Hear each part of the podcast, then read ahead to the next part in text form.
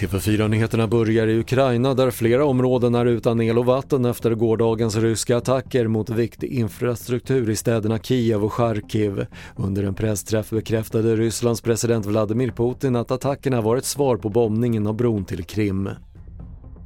I Brasilien har sittande presidenten Jair Bolsonaro ännu inte uttalat sig efter att det blev klart att han förlorat presidentvalet. Därmed har han inte heller erkänt förlusten och det har väckt farhågor för hans reaktion efter att han i månader misstänkliggjort valsystemet.